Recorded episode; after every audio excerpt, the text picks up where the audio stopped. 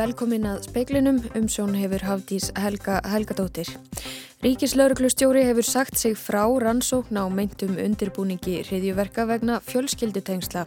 Rannsókn lauruglu er afar viðamikil. Bandaríkjaforsiti varar við að fellibilurinn Ían eigi eftir að skilja eftir sig sögulega mikla eigðileggingu í Flórida. Íslendingur á svæðinu óttast að brak myndi fjúka á húsitt. Rúsneskir hermenn greindu ástfinnum sínum frá ringulreið og miklu mannfalli í, í, í innrásinni í Úgrænu á fyrstu vikum stríðsins. Eitt þeirra segir innrásina heimskulegustu ákverðun sem rúsnensk stjórnvöld hafi gert. Breska lauröglan rannsakar áreikstur á þótu æslandir á hýþróflugvellinum í Lundunum í gerkvöld. Farangur farþega er ennum borði í vjölinni. Utanríkis ráð þeirra Þýskalands þrýstir á Evrópusambandið að beita Írani viðskiptaþingunum vegna viðbræða ríkisins við mótmælum undanfarna daga. Lágreglan hefur farið í 17 húsleitir og haldlagt um 60 muni vegna rannsónar sinnar á meintri skipulagningu hriðjverka. Lágregla til, bóðaði til fréttamannafundar nú síðdegis til þess að fara yfir stöðu rannsónarinnar. Hún er mjög viðamikil en ítrekkað var að hættu stegu vegna hriðjverka ógnar væri enn metið látt á Íslandi. Tveir menn eru enn í haldi vegna málsins. Á fundinum var greint frá því að Ríkislauruglustjóri hefði sagt sig frá rannsóninni sem nú er í höndum embættis héraðsaksóknara. Svein Ingi Berg Magnússon er þar yfir lauruglu þjórn. Tölvöld mikið magg gagna hefur sendt lauruglu á Norðurlöndunum og til Europol en þessi lauruglið aðstofi greiningu málskagna. Svo aðstof fælst meðal annars í úrúlslu gagna úr símum, tölvum og samskiptafórundum saði Svein Ingiberg Magnússon ítarlegar verður fjallaðum stöðu rannsónarinnar hér síðar í speiklinum. Joe Biden bandaríkja fósiti hefur líst yfir neyðarástandi vegna fellibilsins Ían sem gekk yfir Flórida og segir að eigðileggingin á svæðinu gæti orðið meiri en nokkru sinni eftir fellibil. Ríkistjóri Flórida segir að flóðin sem fylgja fellibilnum e, ekki gerist nema á um 500 ára fresti. Borginar Cape Coral og Fort Myers við vesturströnd Flórida eru nánast rústir einar eftir fellibilin. Brynja Dröfn Ingadóttir er í fríi í Sarasota sem er aðeins norðar og segir veðrið hafa verið mun verra en hún bjóst við, þrátt fyrir vonda spá. Þetta var miklu, miklu sterkari vindur heldur en maður hefur upplefað á Íslandi og þannig að maður var alveg hrættur um að það myndi, myndi eitthvað fjúka á húsið. Svo veit maður ekkert hvernig rafmagni kemur aftur. Það fór í gær Saði Brynja Dröfn Ingadóttir. Svipmyndir af eigðileggingunni í Flórida má sjá á vefnum okkar rúf.is og í kvöldfrettum sjónvarps. Samkvæmt símtölum rúsnenskra hermana heim til ástfinna var farið að bera á uppgjöf og vonbreyðum þeirra með ákverðun stjórnvalda þegar í upphafi innrásarinnar í Úkrænu í februar. Símtölin varpa ljósi á ringulreiðina í rúsnenska hernum. Эта война, мам, это просто, это самое тупое решение нашего государства, я считаю. Mamma, ég held að þetta stríð sé heimskulegasta ákverðun sem ríkis stjórn okkar hefur tekið. Þannig hljómar hluti af símtali rúsneska Hermannsins Sergei til móður sinnar í mars. New York Times hefur komist yfir þúsundir símtala rúsneskra Hermanna sem voru í eða við bæin Bútsja í útjæðri kænugarðs í mars. Símtölin eru til eiginkvenna, ættingja og vina þrátt fyrir að þeir hafi fengið skipun um að ringja ekki heim. Úkrænskar löggæslustofnanir hliruðu símtölin og komist þau síðar í hendur bladamanna New York Times. Þar varpa hermennirnir nýju ljósi á ringul reyðina á upphafsstegum innrásar rúsa og vísa til drápa sem gætu verið sannanir á stríðskleipum. Meðal þess sem hermennirnir greina frá er að vera hend út í stríðið án nokkurs fyrirvara. Þeir segja frá miklu mannfalli í misefnaðri tilraunsinni til að herrtaka kænugarð og segjast hafa fengið skipanir um að drepa alla sem þeir sjá. Einn hermannana kallar Vladimir Putin forsetta Rúslands fíbl fyrir að ákveða innrásina. Úkrænsk stjórnvöld hafa áður sakað rúsa um grófa stríðsklæpi í Bútsja. Þeirra á meðal eru aftökur mörg hundruð almennra borgara. Stjórnvöld í Moskvu hafna þeim ásökunum alfarið. Róbert Jóhansson tók saman og nánar er fjallaðum símtöl hermannana á rúf.is. Flugvél Æslandir sem lendi í árekstri við söður kóreska farþegaflugvél á Hýþró flugvelli í London í gerkvöldi er enn á stæði á vellinum. Lauruglu yfir völd þar ytra rannsaka nú áreksturinn. Óljóst er hvenar Æslandir fær vélina afhendað nýju. Farþegar sem voru um borð í vélinni þegar að áreksturinn varð hafa enn ekki fengið farangurinn sinn. Farangur farþega er ennþá um borð uh, þar sem laurugla tók er með málið í rannsókn og við býðum bara eftir að laurugla gefa okkur leiði til þess að losa farangurinn og koma honum til farþega. Segir Guðni Sigurdsson upplýsingafulltrúi Æslandir. Áraugsturin var þegar vangandi flugvilar í eigu Korean Air rakst utan í hliðarstil Boeing 757 vel Æslandir þar sem hún var kirstæð og beigð eftir að geta tengst hliði. Engan sakaði en ólöst er hversu mikið tjón er á vélinni eða hver ber kostnaðin. Það eru þetta bæði beitn og óbeitt kostnaðir sem að hlýst af þessu og við þurfum bara að sjá hvernig, hvað, hvernig það verður. Að sögt Guðuna hefur ekki orðið mikil röskun á flugallun félagsins vegna atvöksins. Farþegar sem átt að fara með velinni aftur til Íslands í gær gerstu í London í nótt. Þeim uh, var uh, komið á hótel í London og sett var upp áallun uh, þar sem þeim var komið í flug sem fórum hátegisbilið í dag. Tvær flugferðir, önnur frá Hýdró og hinn frá Gattvik segir Guðni Sigursson urður örlegstóttir talaði við hann. Anna-Lena Bærbokk, utanríkisráð þeirra Þýskalands er byrjuð að þrýsta á Evrópusambandið um að beita Írani viðskiptaþvingunum vegna viðbragða ríkisins við mótmælum undanfarinna daga.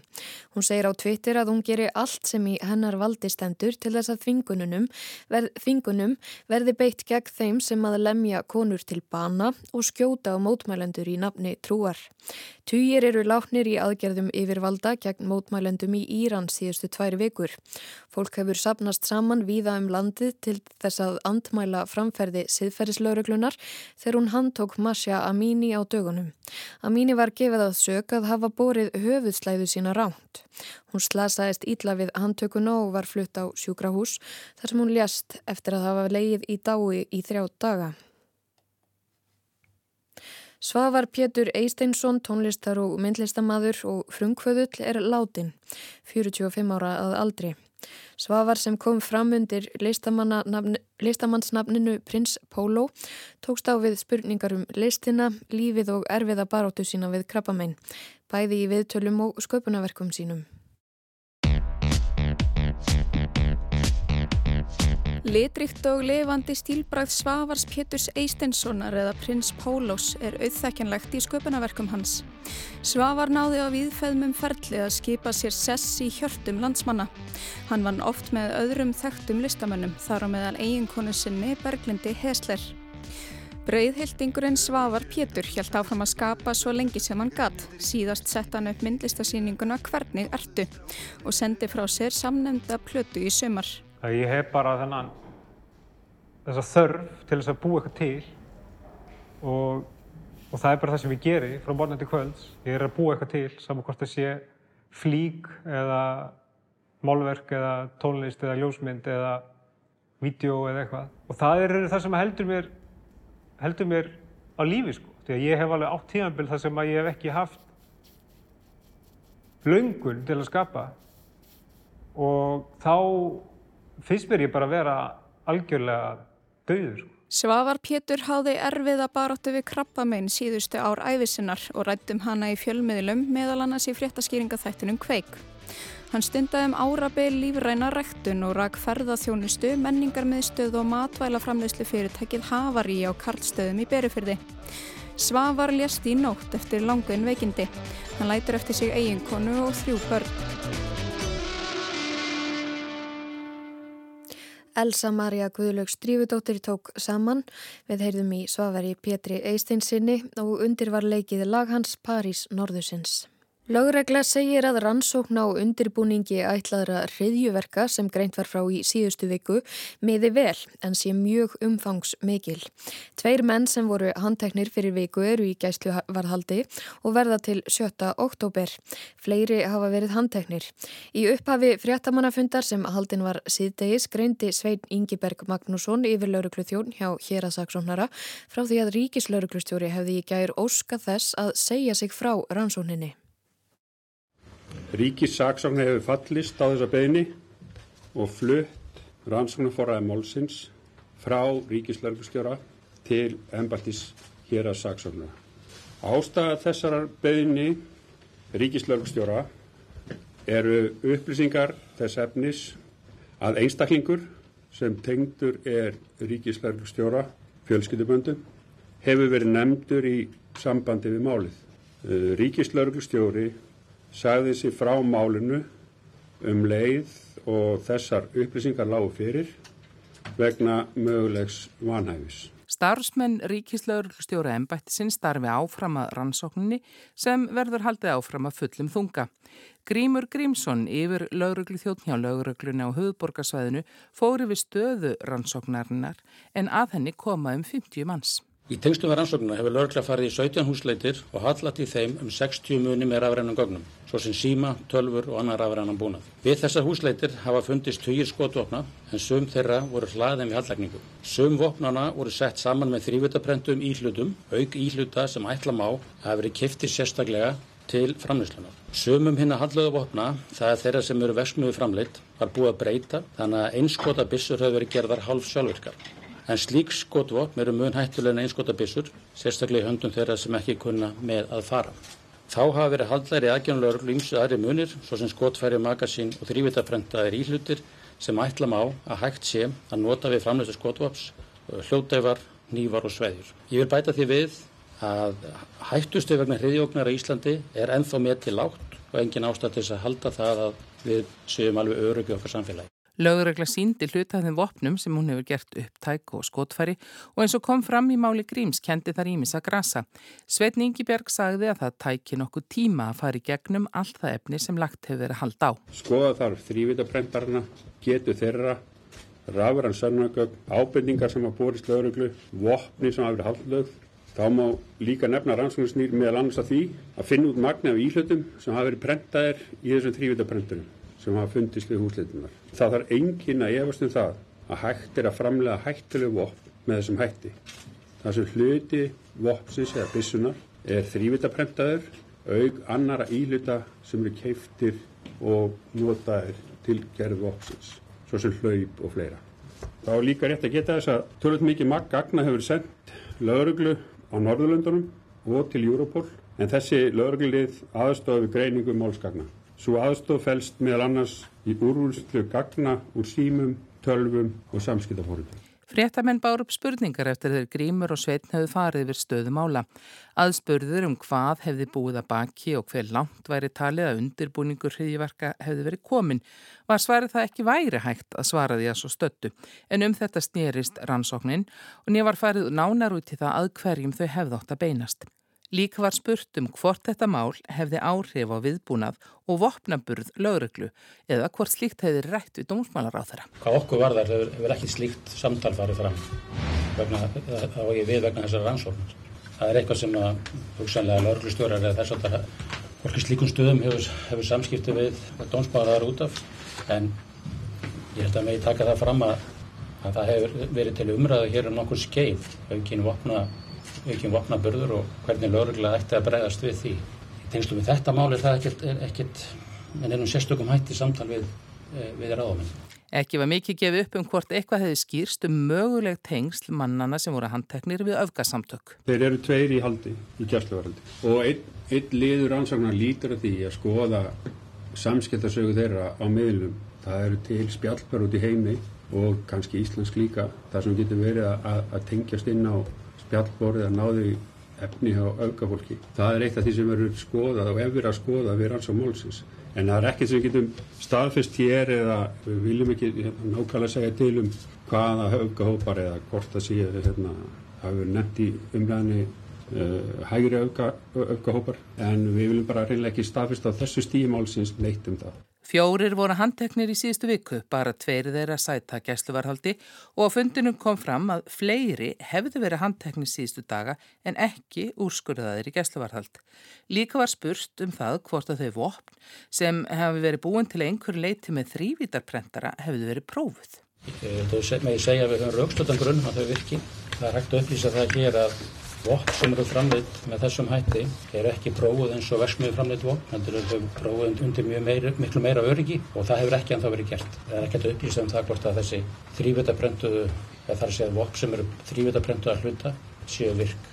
En við höfum rauktutangur um að svo sé. Þó ekkert væri sagt um það hver langt á veg undirbúningur ætlaðra hriðjuverka hefði mögulega verið komin ítrekkaði sveit að það hefði verið tilefni til aðgerða löguröklu. Full ástæð til að farið aðgerð sem farið var í krefjast gæsluverðals yfir sem mannum eins og staðir núna. Það er alveg klátt.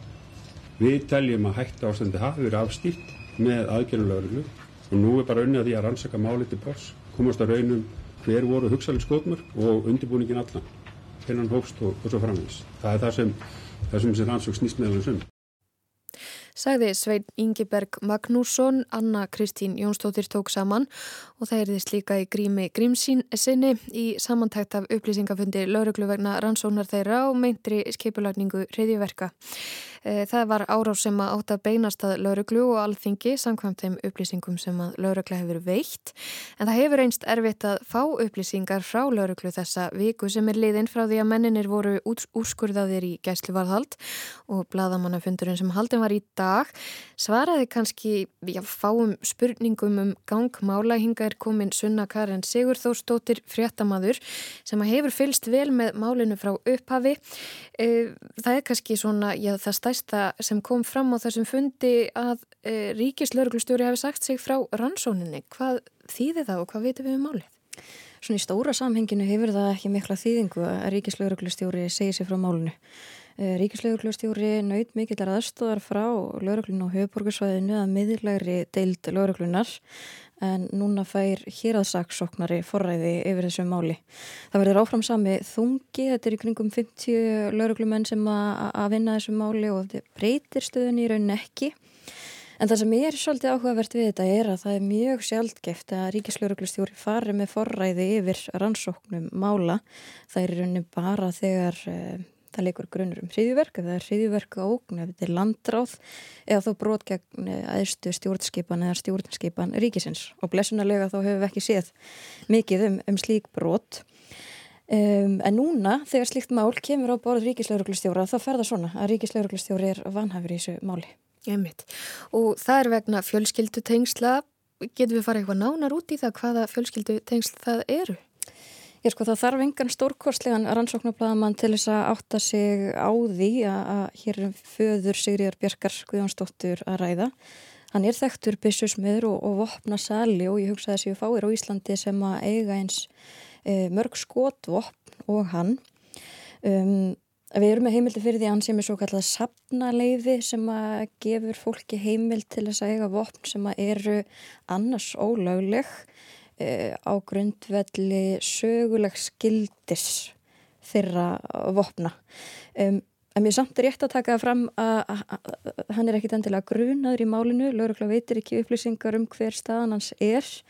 Um, einungist það að nafn hans hefur komið upp í, í tengslu með málið en hann, það er ekki útlitt, útlitt fyrir hans í sagbortningur í þessu máli. Nei, þannig að við veitum ekki að hvaða leiti hann kemur að málinu eða hvernig hans nafn hefur komið upp. Nei, en væntalega í gegnum þessa vopna sölu, hann er að selja þarna vopn og varalluti í vopn. Einmitt, og, og talandu um vopn, svona fram til þessa fundar þá hafði aðal umræðan verið um þrývitaprentið vopn en þannig kom fram að e, já, meiri hluti vopnana væri löglega skráður og e, já, ekkert svo margar byssur þannig sem væri þrývitaprentið að breyti það einhverju. Um, þetta breytir rauninni því að um, þessi vopn sem að laurugla hefur lagt halda á sem eru tugir skotofna að þetta eru virkvopn. Þetta eru vopn sem eru flutt hingað til landsins og síðan er búið að eiga við þau þannig að til dæmis einskotabissur verða gerðar hálsjálfvirkar sem að þýðir að þú þarft ekki að hlaða á milli skota, þú getur haldið inni og skotin dælast út. Þessar þrjútaprentiðu bissur um, það er ekki alveg vitað hvort að það er í rauninni virki eins og alveru byssur, verksmiðu framleitar byssur, það getur ímislegt klikkað. Að þarf tækni og þekkingu til þess að útbúa þetta og séðan auðvitað alla varahlutina í þetta. En þessi e, löglegu vopn, þetta eru bara virk vopn sem er búið að breyta. Já, það kom líka frem að lauruglega hefði lagt hald á já, nýfa og fleira um, sko er, er eitthvað nýtt í því? Eitthvað sem að, að hérna já, eitthvað fleira sem að laurugla sagði um það sem hún hefur lagt hald á sem að var bara einhverju ljósi á, á málið?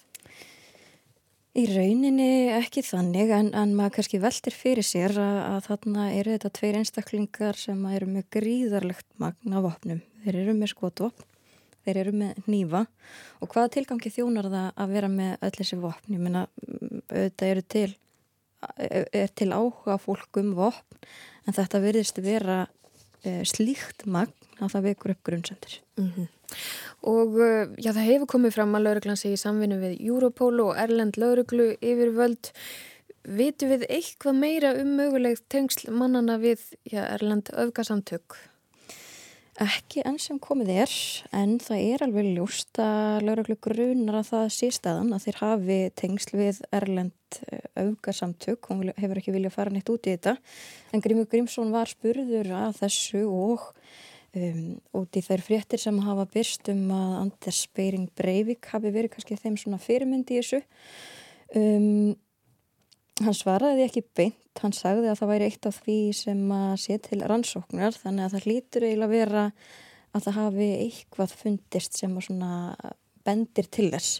En ég mynd svona þessi fundur, um, hann var vonbreiði ákveðinu leiti, þetta átti að vera upplýsingafundur en hann skildi okkur eftir með margar spurningar og upplýsingarleysi við þetta skapar upplýsingaóreiðu og þetta málir að þessu tægi, þetta er hugsanlega hriðjúverka ógn á Íslandi. Að það svona ætti að vera ábyrða hluti stjórnvalda og lögreglu að halda fólki upplýstu um gangmála þó maður að, sjálf, að sjálfsögðu skilji líka það að það eru rannsóknarhagsmunir þannig að baki. En þá svona veist manni þurfa kannski aðeins skýrari og, og betri upplýsingar um stöðuna. Já, en þú mynd halda áfram að fylgjast með málinu og fara, já, ennþá betur yfir þau kannski í sjón, uh, kvöldfréttum sjónvars að minnstakosti að halda, að halda málinu áfram þar. Já. Svona Karin Sigurþórsdóttir, fréttamaður, takk fyrir komuna. Takk fyrir.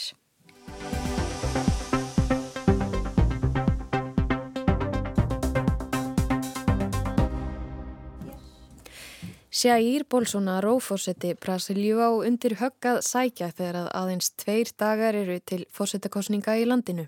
Samkvæmt nýjustu skoðanakönnunum munar 13% stegum á honum og höfuð andstæðingi hans, vinstrimanninum Lula da Silva.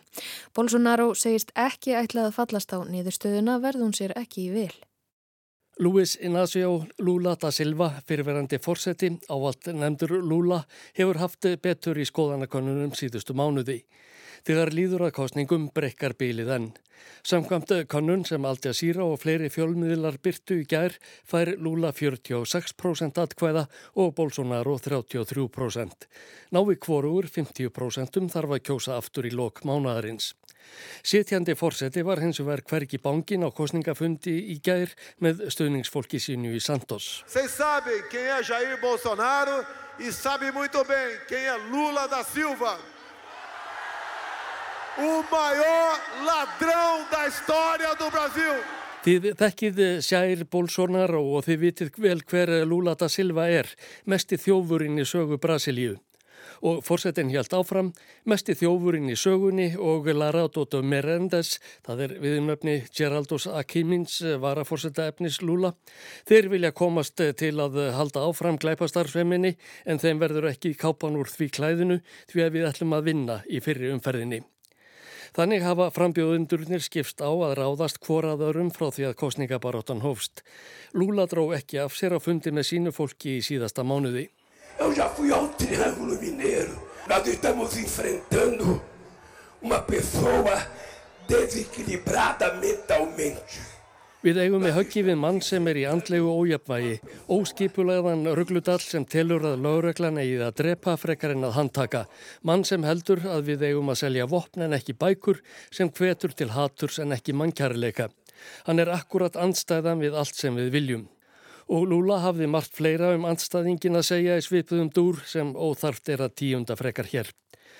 Sjær Bolsonaro hefur marg oft haldið því fram að andstæðingurinn sé gjör spiltur stjórnmálamadur sem best væri gemdur bak við lás og slá. Þar satt Lula einn mitt um eins og hálfs árs skeið eftir að hafa hlotið 12 ára dóm fyrir spillingu. Hann var látin laus haustið 2019 þegar dómurinn yfir honum var feldur úr gildi. Lula gengdi ennbætti fórsetta Brasilíu á árunum 2003 til 2010 og naut á sínum tíma mikill að vinselda. Það verið að slítt hafa dvínað með árunum. Stuðningsfólk hans á það meira að segja til að bresta í söng, jáfnvel inni í verslunarmiðstöðum.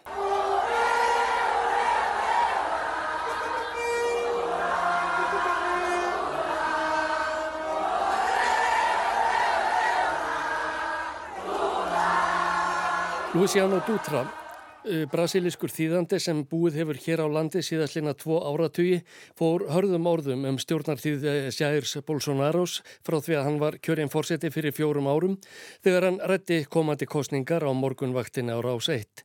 Hann sagði að öllu hefði farið aftur, jafnvel um áratugi. Fórsetan uh, sagði hann ekki vera merkilegan papír. Hann er ekki klár, hann veit ekki mikil um neitt, hann les ekki bækur og hann er stoltar af því að vera svona almenni borgarinn sem situr við fórsetta stólinn og leikur sér með því að stjórna landið.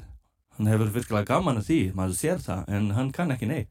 Luciano segir að mikið verk býði arftaka Bolsonaros í fórsetaembættinu. Þetta er bara svona skemdaverk á öllum uh, svíðum samfélagsins undan 44 árum og verður erfitt fyrir fórseti sem tekur við að laga það smá saman já, næstum fjörum, fjögur árum. Jair Bolsonaro ætlar ekki að viðurkenna úrslitinn farið svo að hann lúti í gras fyrir Lula da Silva.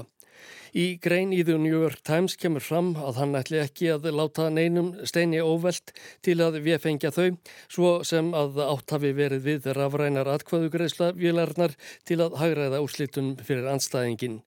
Jáfnvel er nefndur sá möguleiki að hann kunni að reyna að ræna völdum með aðstóð hersins.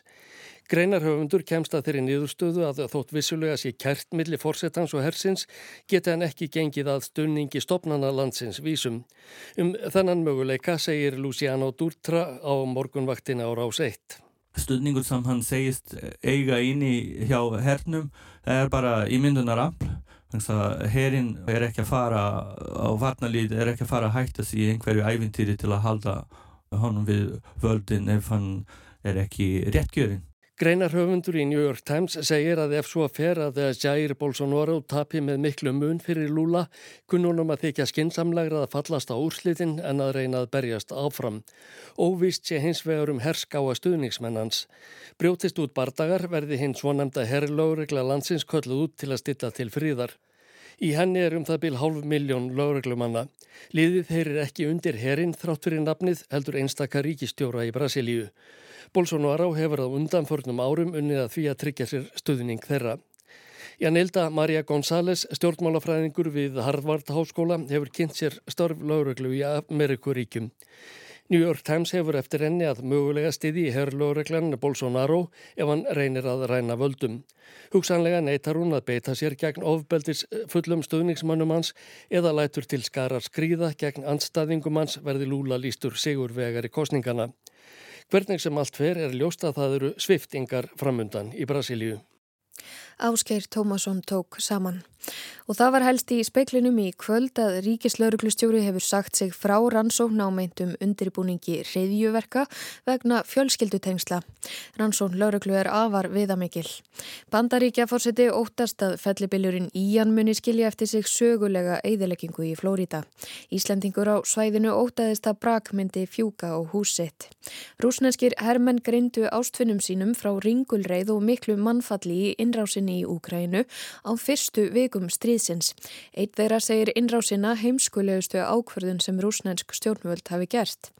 Breska laureglan rannsakar áreikstur á þótu Æslandir á Hýþró flugvelli í Lundunum í gerkvöldi. Farangur farþega er ennum borði í velinni.